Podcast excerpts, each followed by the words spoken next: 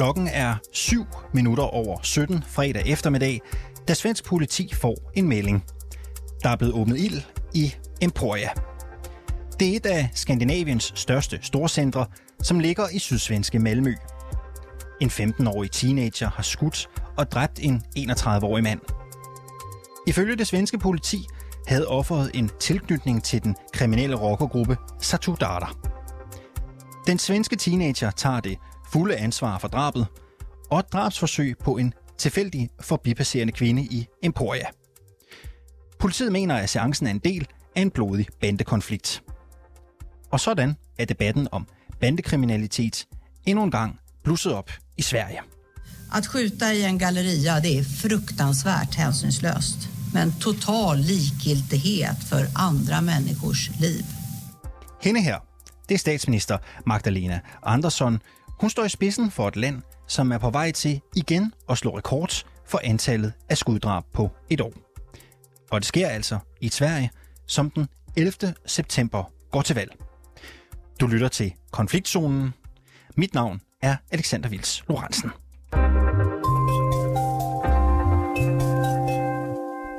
Vi bliver lige ved angrebet i Malmø. Noget af det, vi ved om den 15-årige mand, der efterfølgende har taget ansvaret for drabet og drabsforsøget i Emporia, er, at han er bosat i Jødeborg, og at han i forvejen var kendt af politiet. Spørgsmålet, der står tilbage er, hvordan kan en ung teenager blive en del af en ekstremt voldelig bande i Sverige? I de næste 10 minutter, der skal vi tale med en, der øh, måske om nogen kan give os svaret øh, på det spørgsmål. Øh, Peter Svensson, velkommen til. Tak. Du er med på en telefon fra Stockholm.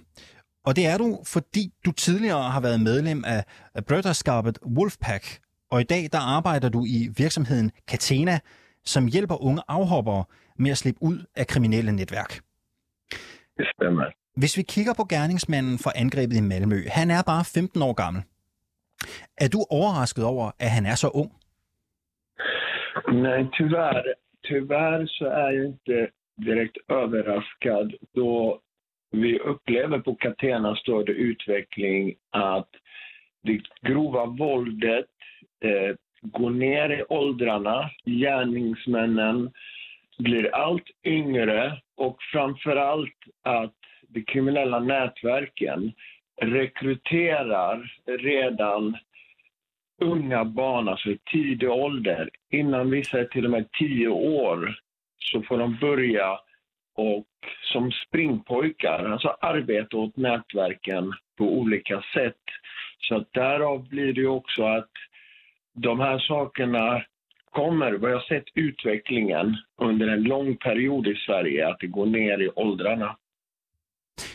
Jeg oversætter lige øh, en øh, smule her øh, undervejs. Det, som Peter Svensson han siger, det er, at det ikke er deciderende overraskende, at der er tale om en ung mand på 15 år. For banderne i Sverige, de rekrutterer unge, og endda helt ned til unge i 10-årsalderen begynder man at vise øh, interesse for. Øh, Peter Svensson, ifølge svensk politi, så er 15 procent af de kriminelle under 18 år gamle. Det svarer til ca. 1200 personer. Prøv at beskrive for os, hvordan kommer børn og teenager ind i det kriminelle miljø?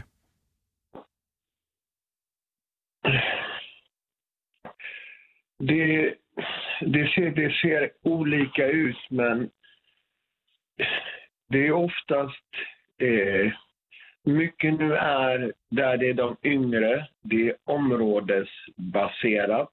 Alltså man kommer Många kommer från en uppväxta i ett socialt utsatt område eh, där det svenska samhället har lämnat områdena.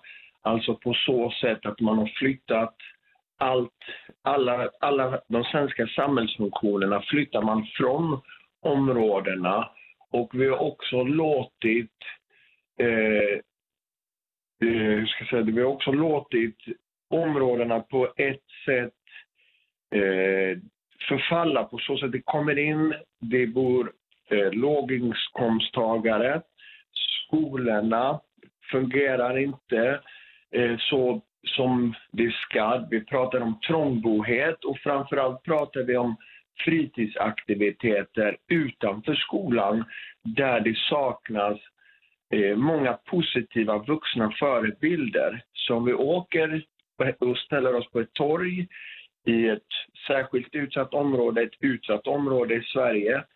Vad, vilka är det vi möter som hänger på torget? Jo, det som är aktivt kriminella. Det visar status, pengar, guld, bilar, det har makt, tjejer. Det, visar ju, det påvisar ju just en glorifiering av det kriminella. Och finns det inte några positiva vuxna förebilder i dessa områden, eller några som kan lära våra unga att komma in i samhället, ge dem en framtid, ge dem hopp, så är det de som är aktivt kriminella som finns där, rekryterar dem och ger dem ett, en, en falsk, alltså ett falskt hopp om framtiden. Det, øh, som øh, der bliver sagt i øh, interviewet her øh, fra Peter Svensson, det er, at det øh, typisk er unge i socialt udsatte områder, som bliver rekrutteret til banderne. Skolerne fungerer ikke, der er ikke ordentlige fritidsaktiviteter og heller ikke voksne forbilleder, man kan spejle sig i. I stedet for så møder man andre kriminelle, som kan fortælle, at øh, biler, øh, penge og magt er noget, man skal stræbe efter, og det får man ved at gå ind i den kriminelle underverden. Øh, Svensson, du var selv 20 år gammel, da du kom ind i bandekriminaliteten i øh, Jødeborg. Øh, prøv at beskrive, hvordan blev du en del af øh, banden øh, Brøderskabet Wolfpack?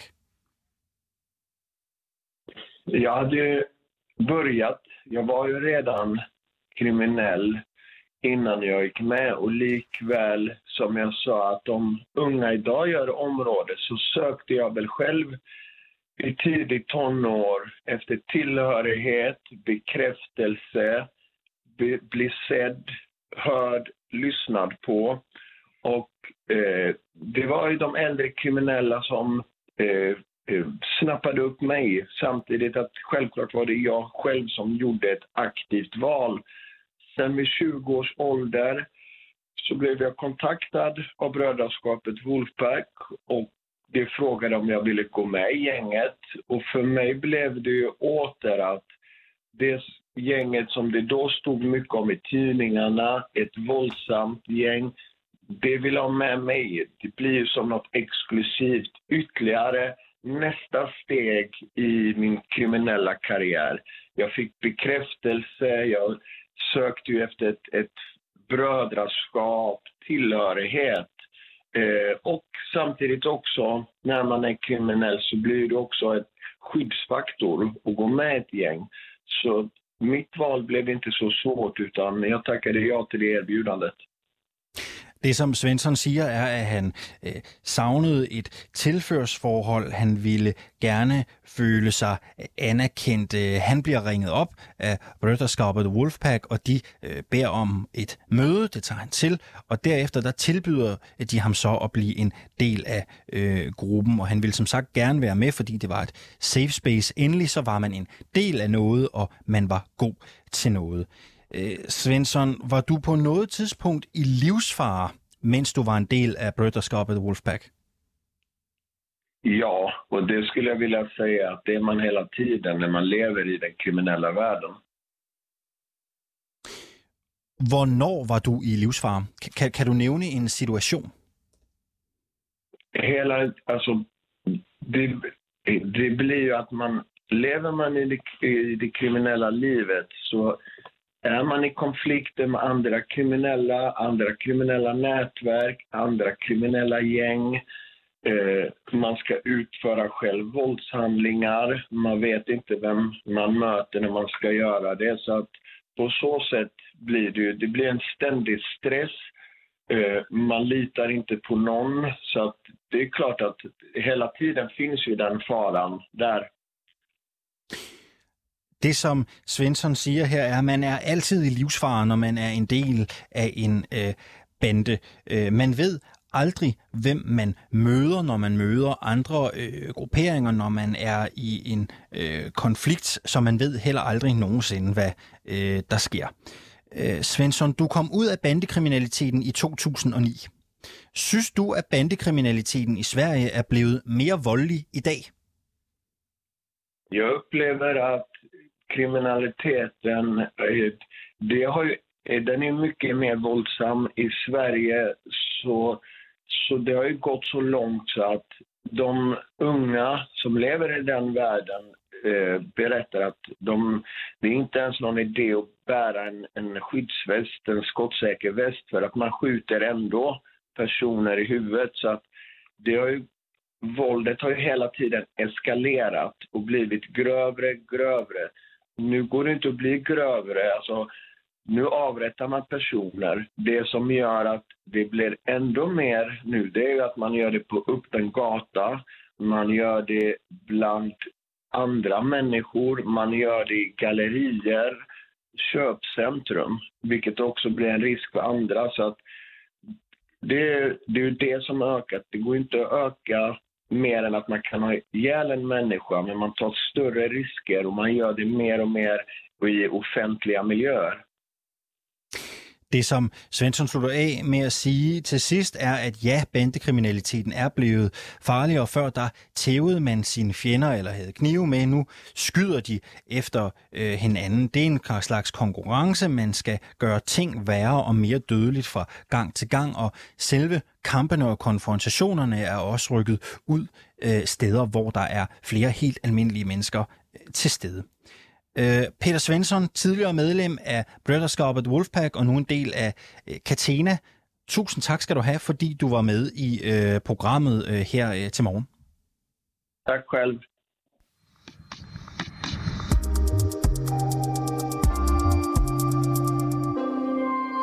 Velkommen til Jesper Sølk.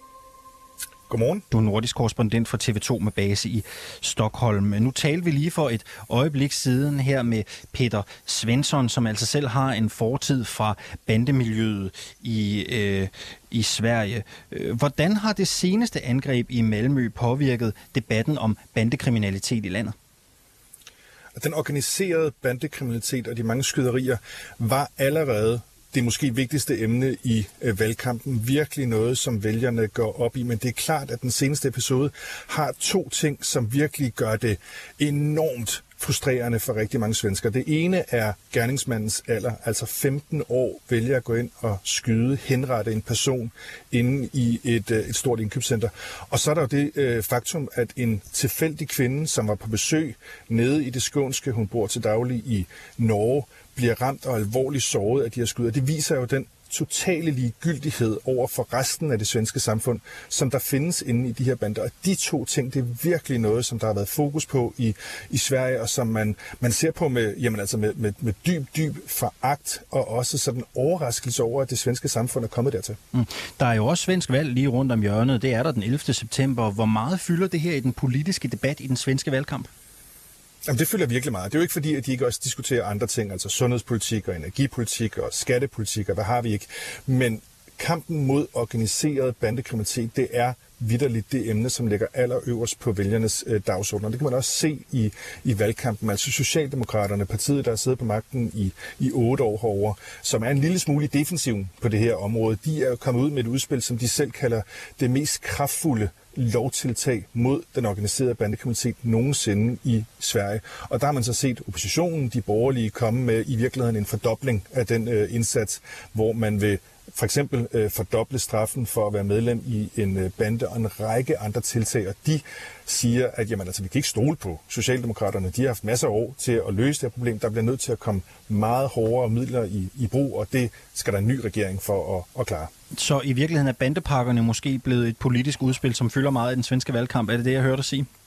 Ja, det er et allerhøjeste øh, grad noget, som fylder rigtig meget. Og det er jo også fordi, at Socialdemokraterne her, som, som er i defensiven, fordi at problemet er vokset øh, i, i løbet af de seneste år, og der er ikke blevet gjort nok, er der mange, der peger på. Jamen, de bliver nødt til ligesom at, at prøve at positionere sig som nogen, som har erkendt, okay, der er en problematik her, som ikke har været godt nok, og nu spiller vi hårdt ud, for simpelthen ikke at miste for mange vælgere over på den anden side af den, af den svenske midterlinje i, i politik. For det er det, man ser i øjeblikket, at rigtig mange vælgere går op i det her, og de føler ikke, at Socialdemokraterne har været i stand til at løse det, så hopper de over på den anden side. Med fredagens attentat i Malmø, så er 45 personer blevet skuddræbt i Sverige i år, og det tangerer en rekord for antallet af skuddrab nogensinde. Hvorfor egentlig, tror du? Men det er faktisk øh, lidt tilbage til noget af det, som øh, det tidligere bandemedlem øh, snakkede om. Der er en voldsspiral i øjeblikket i, i Sverige, hvor rigtig mange af de her ting, et skud avler nye skud, et drab avler nye drab.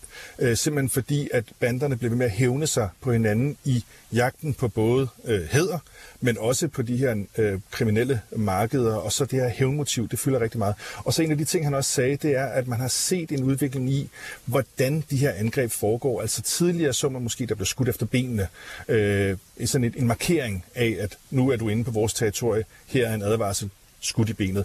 Nu går de direkte efter henrettelse. De går efter at skyde i hovedet og dræbe. Og det betyder jo nødvendigvis, at der simpelthen bliver flere øh, skuddræbte i, i Sverige. Det er den udvikling, vi ser. Men har de svenske myndigheder slet ikke nogen kontrol over bandekonflikten længere? Hvordan, hvordan ser du på det? Kontrol kan man jo ikke tale om, når du ser en udvikling, hvor der kommer flere øh, bander, de bliver mere voldelige, der kommer flere skudepisoder. Og en af de problematikker, og det viste episoden i Malmø jo også, hvor at gerningsmanden er 15 år, er, at der er rigtig mange unge, øh, der også stadigvæk tilslutter sig banderne. Altså en opgørelse fra svensk politi viser, at 1.200 medlemmer, som man kender af organiserede bander i Sverige, de er under 18 år. Og så kunne man tro, om en 15-årig, der skyder en anden person, det er måske ikke noget, der sker så tit. Men det er faktisk ikke så usædvanligt, at helt unge mennesker begår drab i, i Sverige. Vi har et andet tilfælde fra Malmø, en 16-årig, der begik et drab. Vi har et tilfælde fra Eskilstuna, hvor det er en 17-årig. Vi havde knivdrab for nylig i Halmstad, hvor det var tre personer under 18 år, som blev øh, blev arresteret. Der er flere af de her tilfælde, så kontrol over situationen, det kan man ikke snakke om. Og, og det er jo også det, de, de siger, politikerne, altså det her det er et Sverige, vi ikke kan, kan genkende. Vi bliver nødt til at gøre meget mere på det her område. I Danmark, der har øh, debatten om bander jo også fyldt en del. Politikerne har også i Danmark ønsket at slå hårdt ned øh, med bandepakker. Kigger man i Sverige, Sølk, egentlig mod Danmark og hvad man har arbejdet med herover? I allerhøjeste grad. Altså, det er faktisk fascinerende at følge, hvor meget Danmark bliver nævnt i den her diskussion i, i Sverige. Og det er jo fordi, at det er interessant, fordi at man, man tidligere i, i en stor del af den politiske sådan, virkelighed i Sverige havde Danmark lidt som et skrækeksempel, altså, så man følte, at, at vi gik alt for langt, at det var diskriminerende, øh, til tider direkte racistisk at gå efter målrettede områder, målrettede grupper i, i samfundet. Og, og det tog man afstand fra i, i Sverige, og der kan man se, der har de bevæget sig rigtig mange partier. De begynder at hive forslag ind direkte fra nogle af de danske øh, bandepakker, som de siger en til en skal indføres i, i Sverige. Og, og måske det mest tydelige eksempel, det er Moderaterne, øh, det store borgerlige oppositionsparti, hvor Ulf Christensen, den måske kommende statsminister i Sverige, han er, er leder.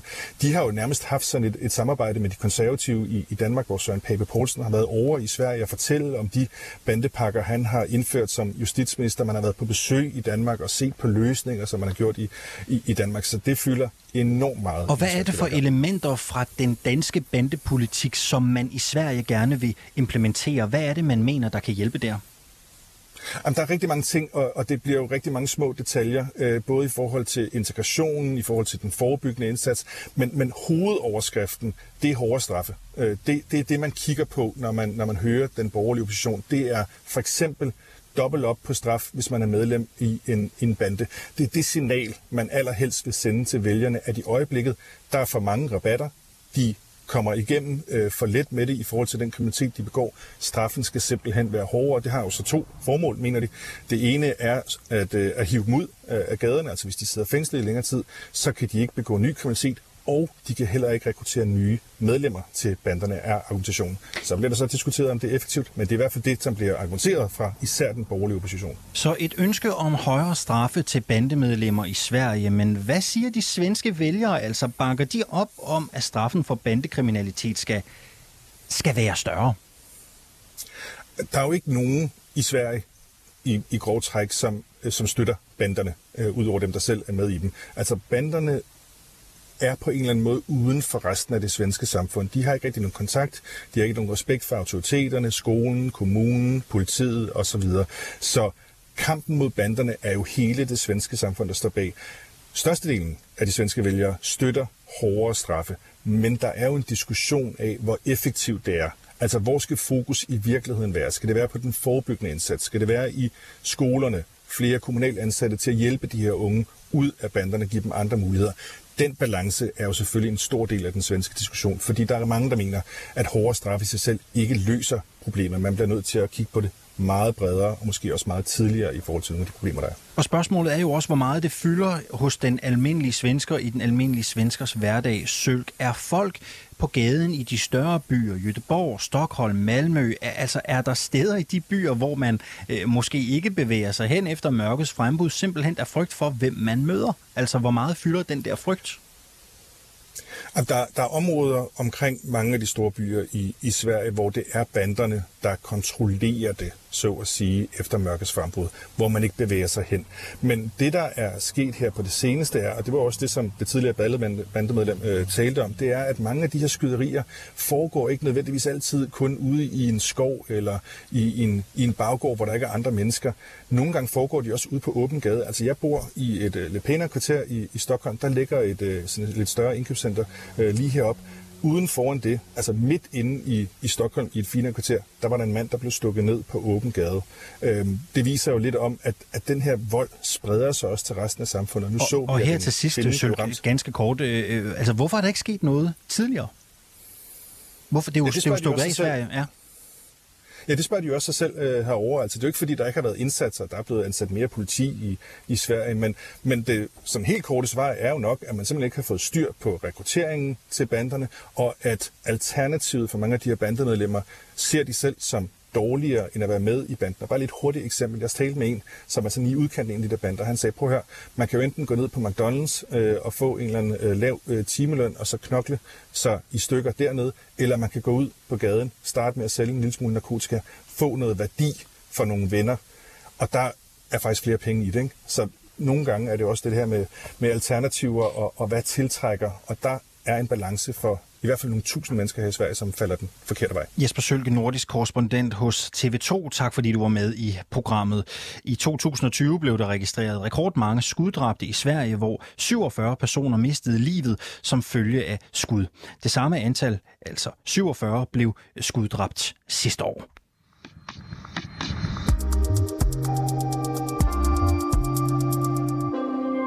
Du har lyttet til dagens afsnit af Konfliktzonen 24-7's nye udlandsmagasin.